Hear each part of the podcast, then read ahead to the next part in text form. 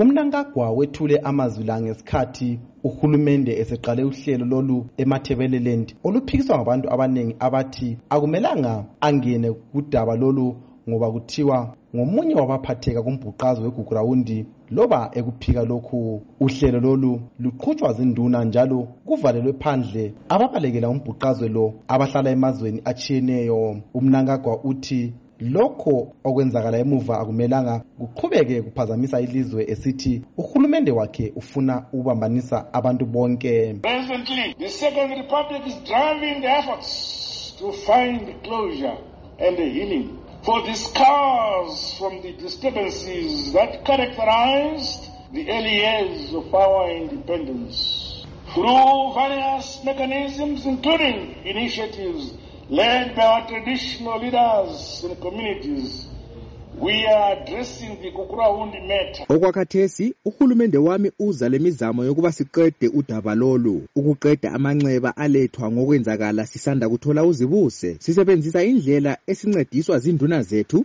silungisa udaba lwegugurawundi umnankagwa uthe umsebenzi lo uzakwenziwa zinduna emhlubulweni wemathebeleland lapho ezizabhodabhoda zikhuluma labantu abathinteka ngombhuqazwe wegugurawundi kodwa ingcitshi kwezombusazwe lendaba zokukhumisana umlotha zithi uhlelo oluqalwe nguhulumende alusoze lwenelise ukupholisa amanxeba ngoba luchiye phandle ezinye izigaba zelizwe. Labanye abantu zikhuthaza ukuba ngabe luqhutshwa lasebulenjini be-intanethi eyinye yalezi ngcitshi esebenza lenhlanganiso ye-eu zimbabwe trust umnumzana reward siziba ut- uthi bekumele uhlelo lolu luqhutshwe ngendlela eyamukelwa ngumuntu wonke. Thina sithi kambe ngizinduna zodwa yini okumele zikhangele yizo zodwa yini okumele zilungisise udaba lolu kumbe kulezinye inhlanganiso lama-political party abanjengabozapho okumele babe uhlangothi lona lolo lukhangele ngendaba lezi ngoba ngabanye ababekhona ngesikhathi sona lokho kusenzakala.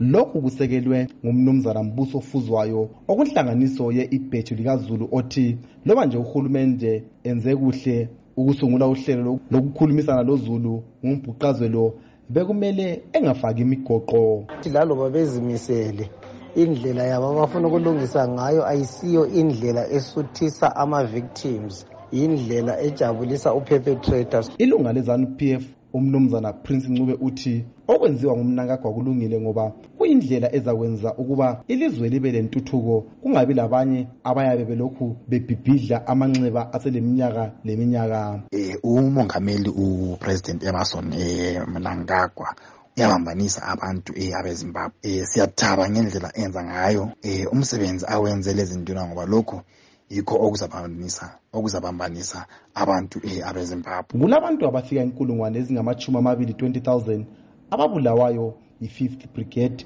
Kusukela ngomnyaka ka-1982 kusiya ku-1986 ibandla le-pf zap elalikhokhelwa ngujoshua mqabuko nkomo lingakalobelani isivumelwano somanyano lelizanu pf ngomnyaka ka-1987 owayengumkhokheli welizwe urobert mugabe wayala ukuxolisa esithi kwakuyikuphambana kancane okwenzakala ngesikhathi lesi. Waya kugoqwanyawo engaxolisanga.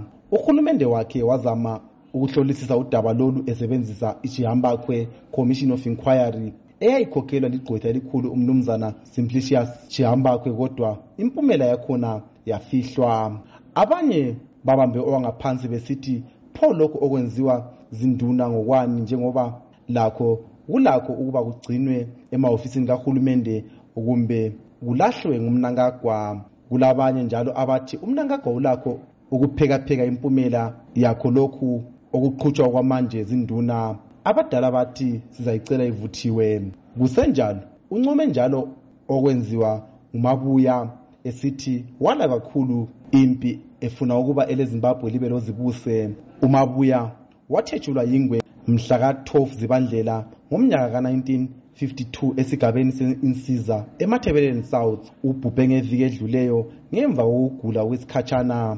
Ngomnyaka ka-1954 imuli yakomabuya yathuthela kwelezambia kwathi ngo-1969 umabuya waphatheka kwezombusazwe ngokungena kwakhe kuviyo lezanla wasuka waya enkambeni ye-itumbi kwele-tanzania lapho aqeda izifundo zakhe zebutho. Kusukela ngomnyaka ka-1972 umabuya walwa impi esendaweni yemtoko kwathi ilizwe selithole uzibuse wangena kubutho lezimbabwe national army.